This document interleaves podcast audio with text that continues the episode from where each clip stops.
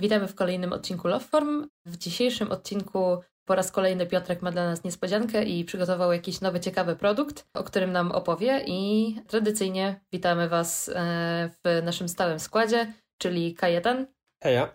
Piotrek Dzień dobry. i ja, czyli Ania. To co, myślę, że bez dalszego tutaj przedłużania, myślę, że możemy przeskoczyć do Ciebie, Piotrek, już.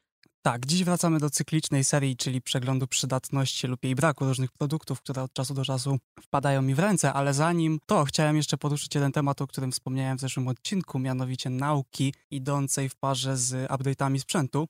W moim przypadku już dość e, dłuższy czas temu pojawiła się chęć profesjonalizacji i pójścia w tę stronę Apple'ową tak zawodowo, więc e, trochę poczytałem, posłuchałem parę podcastów i skontaktowałem się z jednymi z, z najprofesjonalniej zajmującymi się tą sferą osobami w naszym pięknym kraju i okazało się, że dróg jest o wiele więcej niż myślałem, a nawet się dalej kolejne pojawiają na horyzoncie w najbliższych latach. E, Ja za namową wieloletniego konsultanta i trenera szkoleń Apple Miłosza, pozdrawiam i dziękuję, wybrałem naukę i podejście do egzaminu macOS Support Essentials 10.15, czyli jeszcze na Katalinę.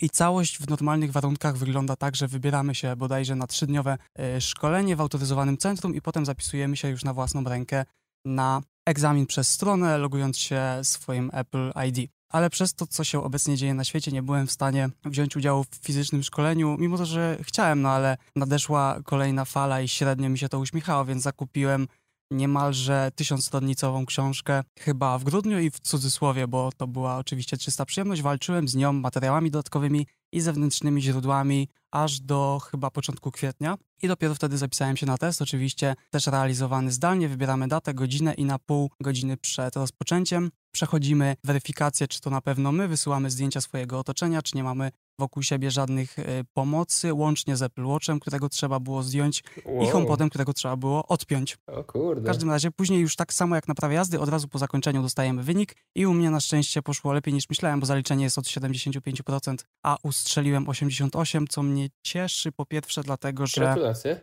Bardzo dziękuję.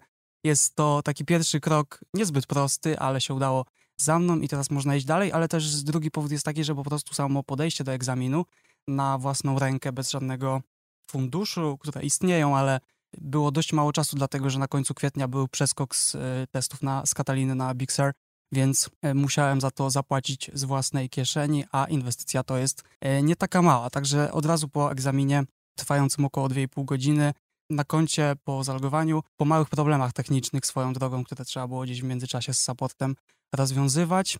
Przyszło potwierdzenie o wyniku egzaminu, na maila grafika o uzyskanym stopniu tam na wizytówkę, stronę czy jako stopka do maila, a kilka dni potem SMS z utworzeniem listu przewozowego z papierowym certyfikatem z San Jose, więc całkiem przyjemnie, że nie leci to jakoś tam gdzieś lokalnie zrzucone z drukarki, tylko bezpośrednio od nich. I chciałem po prostu tę historię tutaj zostawić jako taki checkpoint do tego, co będę robił w przyszłości, do którego będę mógł sobie wrócić i zobaczyć, jak to się dalej rozwijało, dlatego że kolejne kroki na horyzoncie już się klarują.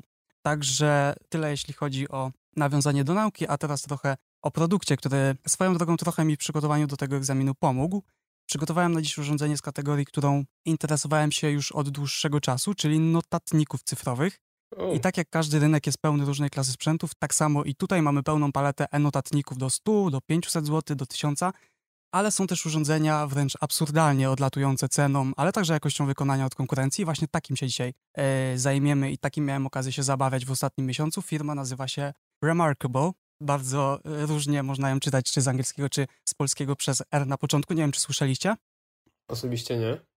Ja generalnie kojarzę Remarkable, bo e, przez to, że siedzę w sumie dosyć dużo w robieniu notatek e, na iPadzie, to też swego czasu bardzo dużo e, researchu robiłam w tym kierunku i e, Remarkable, e, remar-.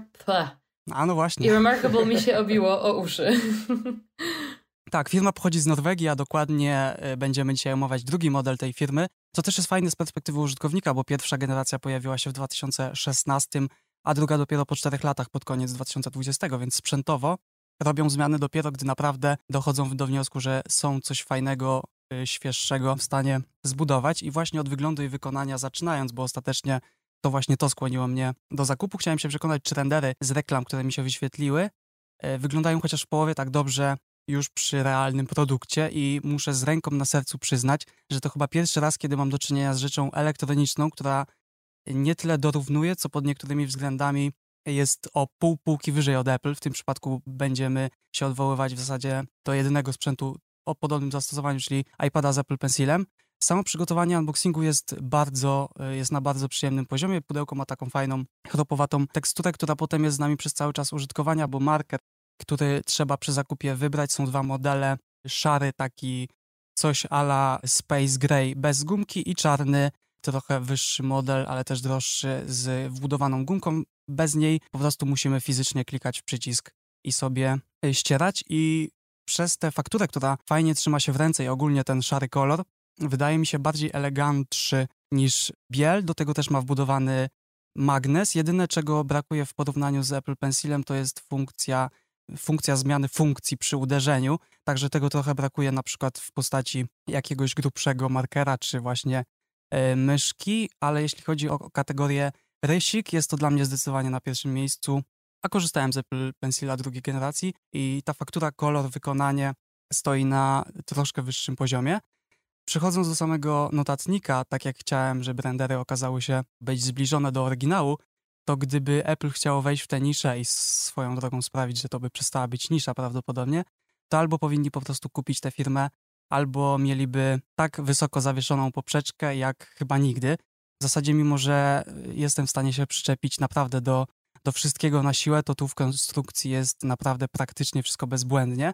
Lekko chropowata tafla ekranu imitująca papier. Po lewej stronie również ala Space Gray z naszej nomenklatury metalowa ramka z przyciskiem, konektorem do case'a i złączem typu C do ładowania, które swoją drogą też nie będzie nam zbyt często potrzebne, dlatego że kupiłem go i obcuję z tym urządzeniem około miesiąca już i od czasu przyjścia naładowałem go raz, ale to z dwóch powodów. Pierwszy jest taki, że no dla jednych będzie to minus, ale ciągnie to, to też za sobą jakieś swoje plusy, mianowicie nie do końca wiem jak w przypadku konkurencji, ale pewnie to też się różnie układa, natomiast tutaj ekran nie ma podświetlenia, także w nocy bez lampki praktycznie jest to e, nie do użytku, chociaż widziałem takie małe tasiemki LEDowe e, skrojone właśnie pod wielkość tego ekranu przyczepiane na magnes, więc to też nie jest jakaś tam e, jakiś klej, więc całkiem mm, dobrze to wygląda, jeżeli, jeżeli ktoś chce bez lampki na przykład w z tego korzystać. Drugi powód to właśnie jest główna cecha tego notatnika i dla jednych właśnie może być to minus, a dla mnie największy plus, czyli e, sam system, na którym to wszystko działa, bo zdecydowana większość konkurencji ma po prostu Androida, więc teoretycznie można doinstalowywać zewnętrzne aplikacje, korzystać z internetu, bo jest przeglądarka, czy zmieniać motywy i jeszcze tysiąc innych lepiej lub gorzej działających dodatków, których fanem nie jestem, bo sprawiają, że to urządzenie próbuje stać się czymś, czym nie do końca jest, czyli dość ograniczonym tabletem, bo pamiętamy, że mówimy tutaj o biało-czarnym ekranie. W Remarkable mamy system Codex oparty na starym, dobrym, poczciwym Linuxie, którego największym dla mnie plusem właśnie jest to, że on niczego nie udaje, bo ma tu tylko i wyłącznie e, jedno zadanie, czyli być prostym i eleganckim oprogramowaniem do pozwalającym użytkownikowi na swobodne pisanie czy rysowanie i podzieliłem ten system na dwie, dwa takie poziomy retro, gdzie pierwszym jest wygląd, a drugim użyteczność. Natomiast ja mogę tak mówić w nieskończoność. Przerywajcie, jeżeli chcielibyście nawiązać, powiedzieć o swoich przykładach, bo no ja mogę przeciągnąć ten odcinek, ale chyba nie do końca na tym polega. No generalnie ja tylko chciałam tak dorzucić, że w sumie e, ta technologia, która jest e, właśnie użyta w tym ekranie, czy jakby input display, e, jest w zasadzie taka sama jak w Kindle, że jakby to wygląda jak papier w zasadzie, tak, że e, to nie ma właśnie nam świecić w twarz, tylko to ma jak najbardziej imitować takie naturalne robienie notatek, jakby się właśnie siedziało z kartką papieru i długopisem, tak na dobrą sprawę. I też e, z tego, co ja kojarzę, on ma też e, chyba 9 milisekund e, opóźnienia, e, czyli tak samo jak e, Apple Pencil, nie? Tak, pisanie jest bardzo przyjemne, co też mnie zdziwiło. Mhm. Ja myślę, że może warto tylko dodać jeszcze tak trochę szerzej patrząc, co to właściwie za typ urządzenia, bo przyznam się, że musiałem wygooglować o co chodzi. To jest notatnik i czytnik do, czytnik do książek. No właśnie o to mi chodzi. Nie, wcześniej sam nie wiedziałem, że takie rzeczy jak notatniki mają jakiekolwiek większe zastosowanie na rynku, prawdę mówiąc, bo wydawało mi się, że no są tablety z notatnikami i długopisami postaci Apple Pencila, albo jest papier, a tu jest coś takie urządzenie, które jest czymś pomiędzy, wydaje mi się, z tego, co zdążyłem zrozumieć. Także może też nie wszyscy słuchacze wiedzieli, co to dokładnie jest. Czyli jest to tak, że pisze się na tym jako, jak na kartce papieru, i dzięki, a zaletą tego jest to, że potem ma się to dostępne, rozumiem, na innych urządzeniach też, tak? Tak, jest wiele różnych opcji. Jedną na przykład z nich jest konwersja tekstu pisanego również w języku polskim na PDF-y, czyli o, po prostu nadrukowany tekst, który można sobie przesłać mailem nawet z poziomu tego urządzenia, czy po prostu wychodząc z aplikacji, wychodząc po prostu z notatnika, od razu mamy aktualizację naszej bazy notatek w aplikacji na telefon. Więc to działa bardzo sprawnie. Tak samo w drugą stronę, jeżeli na przykład przeglądamy sobie artykuły, czy mamy jakiegoś PDF-a, czy na przykład jakiś, nie wiem, fragment tekstu, który chcemy sobie wyedytować, bo niektórzy po prostu lubią tak sobie odnośniki różne kreatywne robić, to po prostu klikamy, no w iPhone'ie niestety, nie wiem jak to w Androidzie działa, przepraszam. W iPhone'ie mamy ten przycisk share i po prostu zamiast SMS-a, znajomego z Facebooka czy coś tam po prostu wybieramy te aplikacje i od razu się aktualizuje sprzęt. Także podzieliłem sobie system, tak jak wspomniałem, na dwie rzeczy. Y, będzie to wygląd i użyteczność i idąc po kolei, nie ma tutaj wiele podmenu. Po odblokowaniu jest y, w zasadzie tak jak w iOS konkret, bez żadnych dodatkowych ekranów z tapetą, innymi informacjami, pogodą i tak dalej. Tylko od razu mamy notatki i foldery. Do tego podstawowe ustawienia, zakładka z PDF-ami jako osobna część po prostu z książkami i podstrona z wyborem template'ów do pisania, a w notatce już y, takiej otwartej y, mamy po prostu możliwość zmiany grubości markera. Wybór w ogóle markera da się też wybrać fragment, który chcemy później na przykład zmniejszyć albo przesunąć, więc te notatki pisane w przeciwieństwie do papieru są też bardzo mocno edytowalne pod tym kątem, co daje bardzo dużo plusów. Na przykład jak przygotowałem się do właśnie egzaminu y, z tego urządzenia, bo też chciałem przetestować takie pisanie notatek y, w praktyce i jeśli ktoś umie i ma ochotę, może też się połączyć z tym urządzeniem przez terminal w macOSie czy jakiś tam odpowiednik na innych platformach i dodać do odpowiedniego katalogu przez serwer swój zrobiony wcześniej ekran blokady, e, no, ekran blokady ekranu, który jest domyślnie dość smutny, a przez to, że ekran w tym urządzeniu, jeśli nie jest wyłączony, a po co go wyłączać, jeśli tak długo trzyma bateria, to cały czas na ekranie blokady mamy taki typu wygaszacz i ja sobie właśnie dałem pasujący do wyglądu tego systemu, o tym zaraz przejdę. Pierwszy, na pewno kojarzycie i wszyscy, którzy ewentualnie interesują się Applem i słuchają tego podcastu, tę ikonkę z pierwszego, czy pierwszego, po prostu Macintosha, mm. żeby sobie tam świeciła. Myślałem, że zrobisz taki slide to unlock pasek. Nie, bo tam trzeba kliknąć przyciskiem. E, no i jeszcze, jeżeli ktoś dłużej siedzi w, e, w komendach, to, to można sobie wykręcić z tego o wiele więcej, bo mamy dostęp praktycznie do całego e, Linuxa więc też nie wiem dokładnie, jak kustomizacja tego systemu działa. Po prostu w ustawieniach dostajemy, bo jest na to firma przygotowana, daje nam taką możliwość. W ustawieniach mamy IP tego urządzenia i hasło do podłączenia się, więc takie rzeczy, w zależności od tego, jak kto czym się zajmuje, na pewno wiele rzeczy jeszcze może z tego wykręcić. A co e, ale co chciałem zaznaczyć, to ten system został bardzo fajnie zaprojektowany. Na pierwszy rzut oka wydaje się, pewnie jak sobie gdzieś tam oglądasz kajetanczania zdjęcia, on się wydaje mega przestarzały i co za tym idzie, może się wydawać bezużyteczny albo wolny, ale teraz jest kwestia tego, co kto lubi, bo mi się od razu skojarzyło to z ikonkami z 1984 roku, kiedy nie było jeszcze nawet nazwy macOS, tylko Macintosh System One i mimo, że nie miałem przyjemności nigdy używać tego komputera, bo mnie jeszcze na świecie nie było, z tą wersją systemu, to do dziś mi się ona podoba, nawet po wejściu widgetów, jak się zaczęła ta cała zabawa w internecie ze zmianami ikonek, a do tego teraz, kiedy Shortcuts pozwoliło otwierać aplikacje bezpośrednio, a nie przez e, swoją aplikację skrótów, co trwało długo i wyglądało średnio, to właśnie pierwsze, co zrobiłem, to zaprojektowanie sobie takiego biało-czarnego home screena z aplikacjami. Także to jest taki fajny powrót do tamtych czasów w najnowszym, dobrze działającym sprzęcie.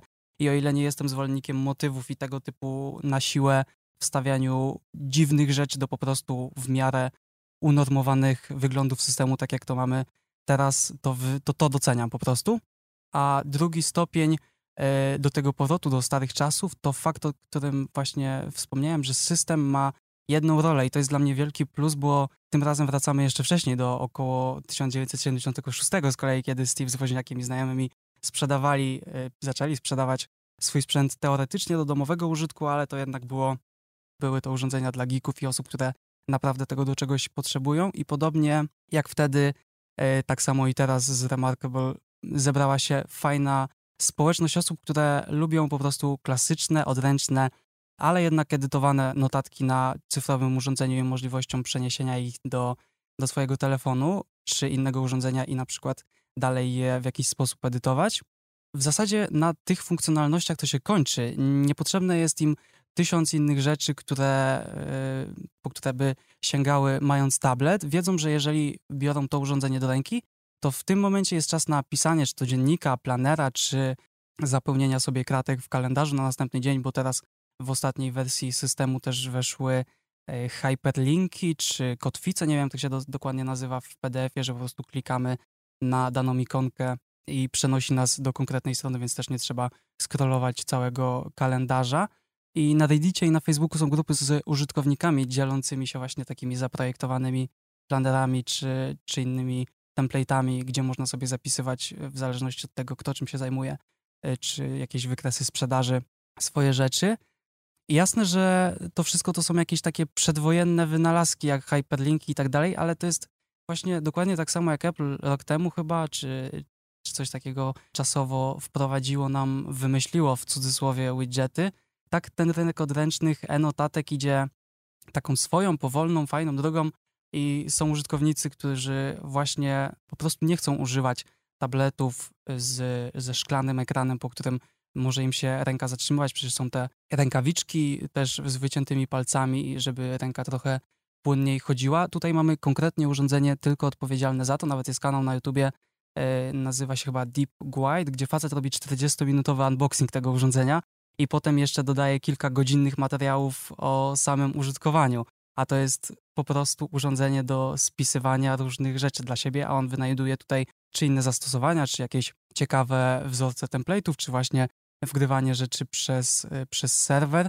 Także ten klasyczny styl z takim niszowym środowiskiem jest ciekawą odmianą od tego, co nam obecnie podaje technologia, czyli to, o czym nawet mówiliśmy w zeszłym odcinku, że każde urządzenie służy w zasadzie do tego samego, a nam zostaje wybrać form factor i jest, to jest spoko, bo przy każdym zakupie takiego na przykład iPada mamy możliwość spróbowania bardzo wielu branż, czy to jest rysowanie, pisanie, montaż, obróbka zdjęć, gry i tak dalej. I pewnie to jest też dlatego, że lubię po prostu bawić się technologią, ale poza samym używaniem lubię sprawdzać, e, jak właśnie ta technologia działa w tle za tym, co, za tym, co sami robimy jak e, producent nam to podaje, w jaki sposób i czy jakoś to możemy zmienić, tak jak w przypadku Jailbreaka na iPhone'ach, którym też się kiedyś bawiłem, wspominaliście, że też, ale powoli zaczynam doceniać takie firmy robiące sprzęt dobrze spełniający właśnie tylko jedno konkretne zastosowanie. Wiadomo, że każda marka technologiczna czy inna chce sprzedawać jak najwięcej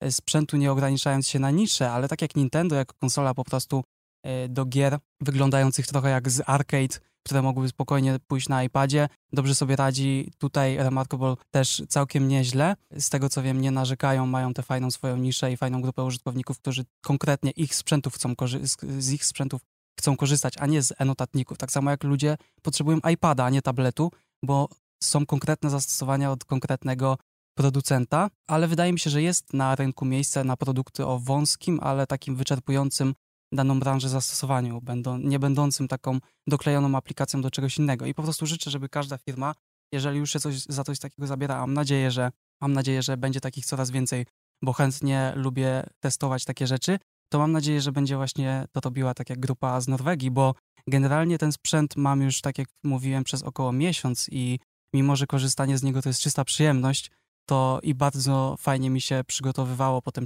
czytało te swoje przygotowane notatki, bo e, nawet się zdziwiłem, że potrafię pisać mm, coś odręcznie w taki sposób, że potem móc to w miarę przeczytać i jeszcze zrozumieć, ale na co dzień nie mam na tyle dużego zastosowania, żeby w tej cenie, bo pewnie już sprawdziłeś, Kajetan, zerknąłeś gdzieś na stronę, to urządzenie kosztuje 2200 zł w podstawie, czyli bez dodatkowego case'a i bez mm, markera tego premium, Także no nie jest to urządzenie, które w tej cenie chciałbym trzymać, ale był to bardzo ciekawy po prostu test czegoś e, z niszy, której nie potrzebuję, ale przez to, że generalnie lubię technologię, no i gdzieś tam pisanie notatek tak jak też wspomnieliśmy o tworzeniu, lubię, natomiast chyba jednak w formie bardziej klawiaturowej, czy na telefonie, czy na komputerze, ale był to bardzo ciekawy test.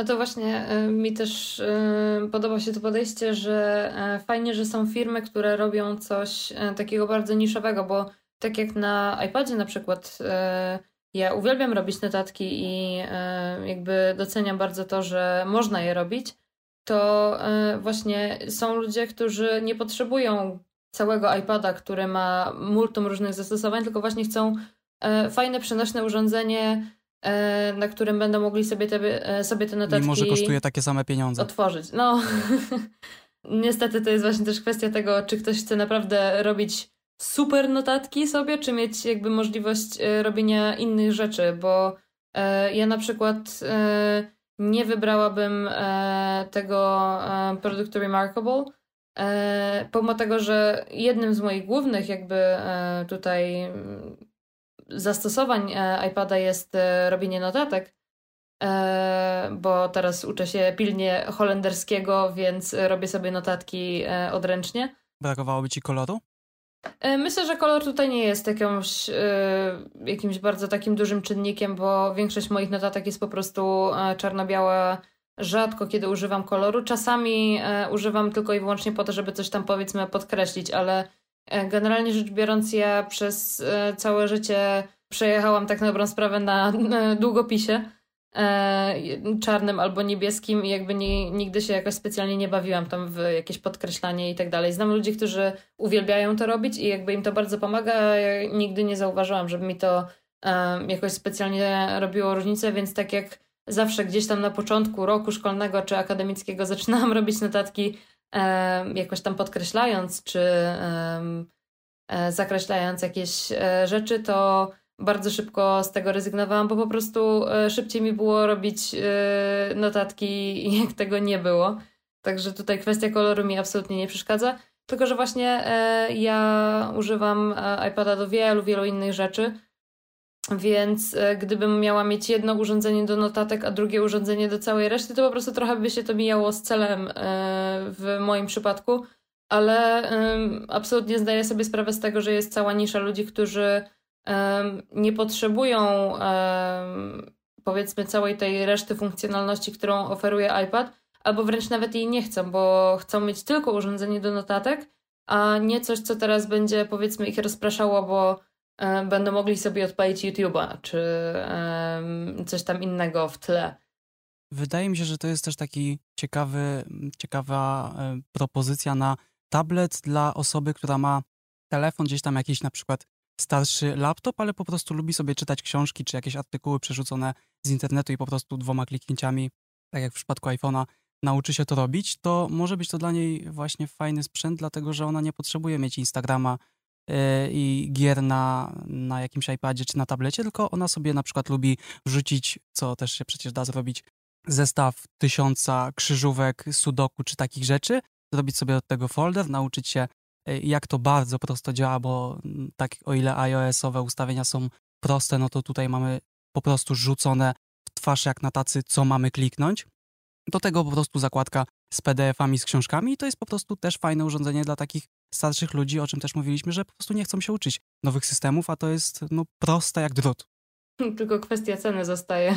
Nie wiem, kto by chciał rozwiązywać krzyżówki na urządzeniu za 2000 zł. Bardzo bogaty senior. Ja się zastanawiam właśnie z drugiej strony nad tym, bo przez lata byliśmy pod wrażeniem tego, jak dużo poszczególne urządzenia potrafią robić i że jedno urządzenie coraz to więcej zadań na siebie bierze. Czy taki iPad, który potrafi nie tylko nagrywać zdjęcia, czy robić, nagrywać filmy, czy robić zdjęcia, potrafi te zdjęcia edytować, potrafi oglądać filmy z internetu, potrafisz, możesz na nim słuchać muzyki, podcastów, czytać książki, przeglądać internet i jeszcze masę innych rzeczy możesz robić. I potem byliśmy, byliśmy pod wrażeniem tego, że wszystko już można robić na jednym urządzeniu, a teraz tu się pojawia taka trochę druga perspektywa, że każdą tak naprawdę jedną z tych czynności można sprowadzić do takiej niszy, gdzie będzie jedno wyspecjalizowane urządzenie. I kiedyś pamiętam było takie bardzo ciekawe zdjęcie, to akurat z telefonem, gdzie na jednym zdjęciu była gigantyczna kamera, jakich ludzie używali do nagrywania, nie wiem, w telewizji na przykład, było gigantyczne radio, było gigantyczny telewizor gigantyczny jakiś jeszcze, nie wiem nawet co, kalkulator, latarka i mnóstwo takich rzeczy, co, no nie koniecznie, no na dzisiaj można powiedzieć, że codziennego użytku, ale takich rzeczy po prostu, co każde jedno było swoim, było sprzętem we własnym prawie i dużym, no pewnie też drogim i na obrazku pod spodem był mały telefon, który mieści się do kieszeni i który potrafi robić wszystkie zadania, które te powyższe właśnie przedmioty potrafiły i jeszcze więcej, no i mieści się w twoją kieszeń. I to jest całkiem ciekawe moim zdaniem, bo do, do tego szliśmy i do tego doszliśmy już mam wrażenie, już mamy te telefony, które to potrafią. I teraz wracamy, znaczy nie wiem czy wracamy w sumie, bo nie wiem czy ta nisza jest, nie wiem jak duża jest ta nisza, tak jak powiedziałem sam za bardzo nie byłem świadom jej istnienia i teraz po dowiedzeniu się nie jestem jakoś szczególnie nią zainteresowany cały czas, bo znowu będzie, bo noszenie pięciu urządzeń ze sobą, żeby móc robić te pięć wyspecjalizowanych rzeczy na osobnych urządzeniach, wydaje mi się mało praktyczne i to naprawdę musi być nisza, właśnie tak jak mówimy, gdzie komuś to się wpasuje, bo nie potrzebuje całej tej reszty pięciu urządzeń, ale akurat jedno z pięciu i no i nie potrzebuje iPada na przykład czy komputera, to wtedy faktycznie. To nie chodzi o to, żeby mieć ze sobą 17 urządzeń i na, z jednego dzwonić, z drugiego pisać SMS-a, a na trzecim oglądać YouTube'a, ale popatrzyłem sobie na to z takiej perspektywy, że każdy się może interesować, czy no nie powiem powinien, bo co mi do tego, ale są ludzie, którzy się interesują bardzo konkretną rzeczą. Po prostu ktoś lubi bardzo sobie pisać jakiś planer, y, ktoś inny lubi sobie tylko grać w gry, jak w przypadku Nintendo. Jest bardzo wiele też innych takich przedmiotów, które służą do tej jednej konkretnej rzeczy. I nie chodzi o to, żeby zamiast telefonu kupować sobie wszystkie odpowiedniki, które są zrobione y, zastępując to jedno urządzenie teraz, tak jak mówisz, w drugą stronę, tylko Chodzi mi o to, że ktoś poza tym, że ma ten telefon czy cokolwiek, po prostu chce mieć urządzenie, które tę jedną jego konkretną niszę, zainteresowanie, jakieś pasje będzie stworzone tylko do tego, przemyślane będą wszystkie aspekty robienia tej konkretnej rzeczy. Jasne, są też aplikacje, ale to będzie całe urządzenie tylko dla tej osoby, dająca mu wszystkie funkcje z tej konkretnej branży. Tak, to się, to się zgadza. To trzeba jak mówisz, to musi być osoba naprawdę tym zainteresowana, też mam wrażenie, i potrafiąca to docenić, bo taki no, zwykły zjadacz chleba, powiedzmy, nie doceni tego, że tu jest jakoś tam papierowa powierzchnia, że bateria trzyma tak długo, że nie ma podświetlenia, więc ci nie razi w oczy. Jakby zwykła osoba po prostu robi notatki i no, czy to pisząc na klawiaturze, czy pisząc na kartce, i nie myśli pewnie o tym za dużo, ale zgadzam się, na pewno są, są te nisze właśnie osób, które są mega zainteresowane optymalizacją, powiedzmy, robienia notatek i dla nich takie urządzenie będzie, myślę, no faktycznie idealne, oprócz tego, że, oprócz tego, że drogie, tak jak mówisz. A do tego tak jeszcze zastanawiam się nad taką sprawą, że w ostatnich latach wracają do mody rzeczy, które już z niej wyszły, a mam konkretnie na myśli w sumie, nie wiem, płyty winylowe chociażby, czy karty kolekcjonerskie, nie wiem, Pokémonów, czy graczy baseballa, czy, czy piłki Chyba ktoś Gary'ego V oglądał ostatnio. Co Gary V e, swoje NFT z tym zrobił, ale to jest NFT, to powiedzmy jest nowe, nowe podejście do tego. Natomiast nadal te oryginalne, właśnie te papierowe karty, które są jakoś tam mniej lub bardziej niepowtarzalne, czy płyty winylowe, do których ludzie mają taki większy sentyment, czy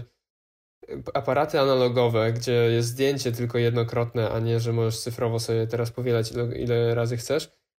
I jestem ciekaw, bo okazuje się, że siedzi w ludziach taki nie Nostalgia. wiem jak to nazwać za bardzo. Nosta- tak, w tym wypadku tak. Może ta nostalgia nie pasuje do tych notatek aż tak, ale jest coś takiego, że, że ludzie chcą mieć trochę. Retro.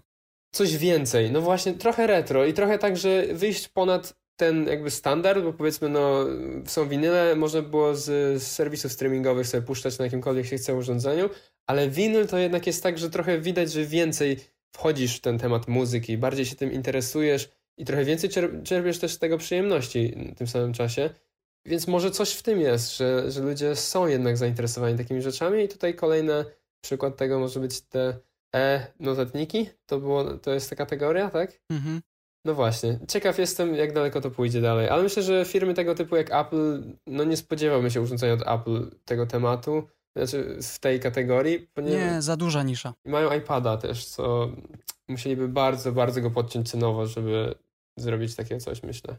No właśnie myślę, że e, tutaj od Apple raczej nie będziemy się mogli spodziewać żadnego urządzenia niszowego, bo oni są zbyt y, dużą firmą, nastawiono na zbyt y, jakby duże grono odbiorców, żeby teraz zrobić coś, co trafi tylko do jakiegoś małego grona, które akurat chce takiego urządzenia, które robi tylko tą jedną rzecz. Jakby oni właśnie starają się wbudować jak najwięcej, myślę, funkcjonalności w e, wiele urządzeń. E, takie właśnie powiedzmy iPad e, czy iPhone, czy nawet ten iPod, który przez tyle lat się trzymał, który właśnie miał iOS i tak dalej, to to jakby na początku iPod przecież był urządzeniem tylko i wyłącznie do słuchania muzyki, a potem e, z tego urządzenia do słuchania muzyki się nagle zrobił praktycznie telefon, więc e, myślę, że tutaj e, w bardzo dużej ilości urządzeń, myślę w większości ich urządzeń raczej nie będzie takiej, takiego przestawienia się nagle na produkty niszowe, no chyba, że mówimy tutaj o trackerach, które absolutnie nie mają... A taki Mac Pro czy Pro Display XDR to też są nisze w sumie. To jest nadal bardzo duży e, market. Chociażby z tego względu, że to nie jest B2B, e, tylko e, to nie jest B2C, tylko B2B. Czyli w tym momencie to jest duża firma sprzedająca sprzęt innym dużym firmom, które mają na to pieniądze. Poza tym, jeżeli nie Apple, to nikim nie zrobi takiego dobrego urządzenia. Też prawda. Ale właśnie to jest to, że jakby nie ma za dużo y, takich indywidualnych twórców, którzy są w stanie sobie pozwolić na y, takie urządzenie typu e, Mac Pro, które jest po prostu no, piekielnie drogie. Umówmy się, że to nie jest e, sprzęt dla typowych zjadaczy chleba. I on jest tutaj ewidentnie robiony pod biznes, tylko że biznes to jest też gigantyczna grupa odbiorców. Jasne, zgadzam się, tak, jest, jest. Ale właśnie tutaj e, przeszliśmy troszeczkę już e, po drodze do e, tematu trackerów, czyli e, AirTagów i wyszło na to, że w sumie cała nasza trójka e, koniec końców takiego AirTaga sobie e, sprawiła. Jak wrażenie? Ładne to, małe, nie mam paska. To jedyne co, znaczy nie, jedyne, ale pierwsza rzecz, która się rzuca w oczy... Możesz przewiercić. Wiesz co? Nie próbowałem. Poczekaj chwilę. Ale myślę, że to nie jest dobry pomysł. Myślę, że to było nawiązanie do filmiku e, Unbox Therapy. To było to. To nie znam, nie oglądałem i nie pewnie nie obejrzę.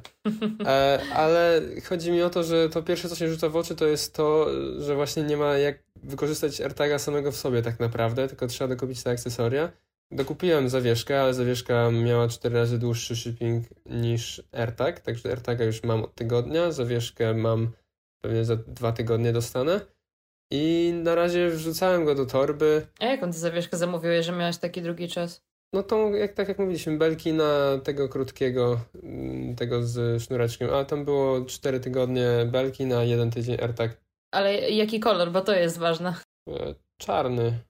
A widzisz, ja właśnie y, chciałam sobie zamówić czarnego, ale zobaczyłam, że shipping time był 3 tygodnie, więc zmieniłam na biały i miałam tydzień, i który w ogóle się skrócił chyba do 4 dni, także no, no spoko. No cóż, niemniej bez takich akcesoriów nie ma bardzo jak wykorzystać tego Artaga, więc wrzucałem go tor do torby tylko, ale nie miałem i wrzuciłem go też sobie raz w kanapę i wtedy jakby sprawdziłem jak działa wyszukiwanie go. No, działa, także spoko, ale jeszcze nie sprawdziłem tego w, dziczy tak naprawdę w życiu.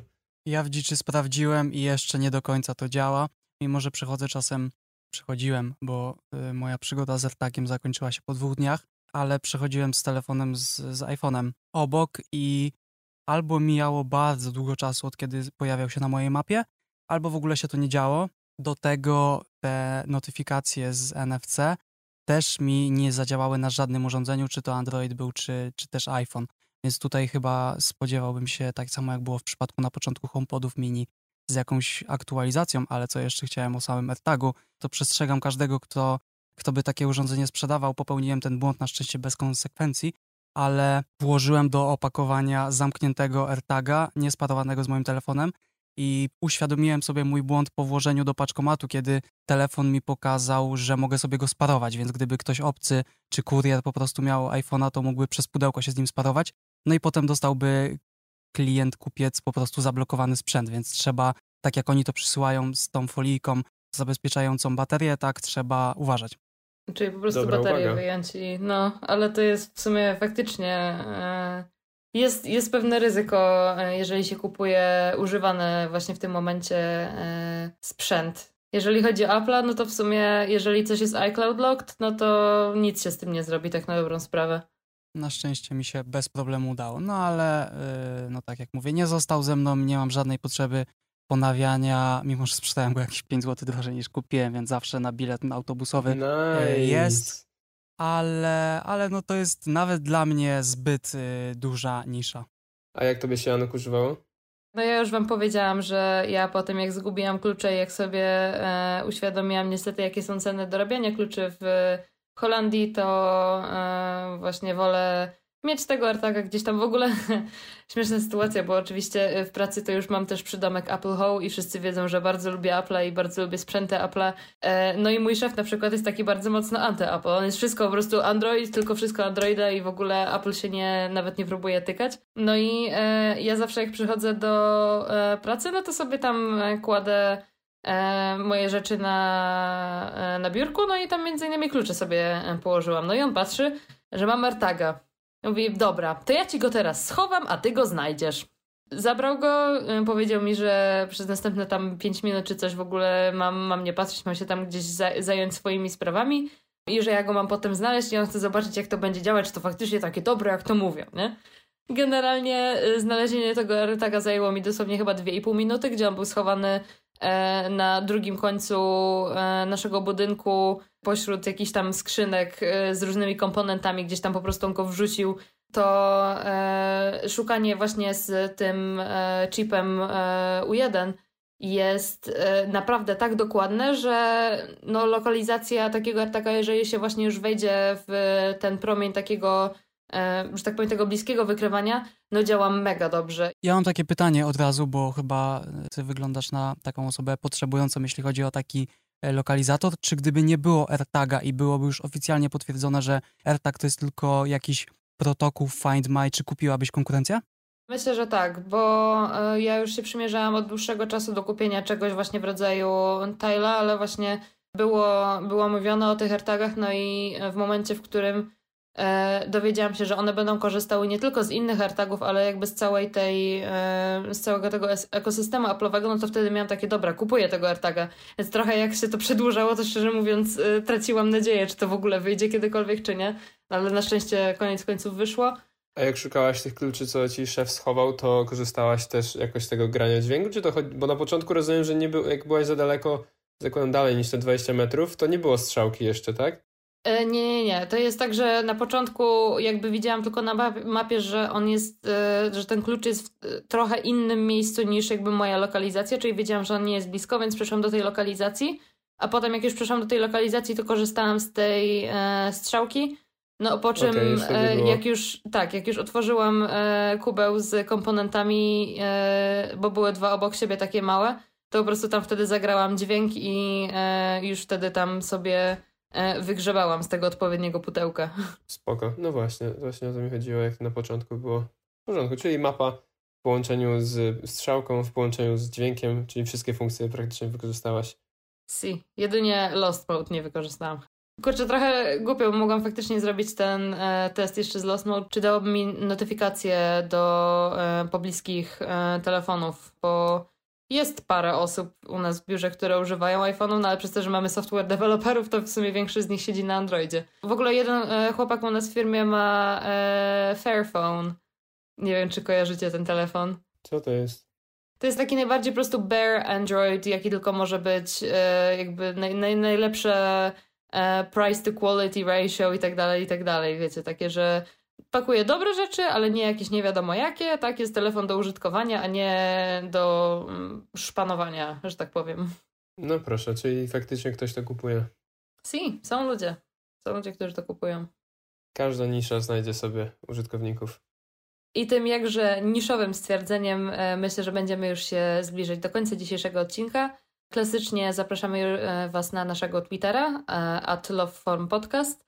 Także e, za dzisiejszy odcinek myślę już w tym momencie dziękuję Wam Kajetan. Dzięki. Piotrek. Do usłyszenia. I Ania. Do usłyszenia w następnym odcinku. Na razie.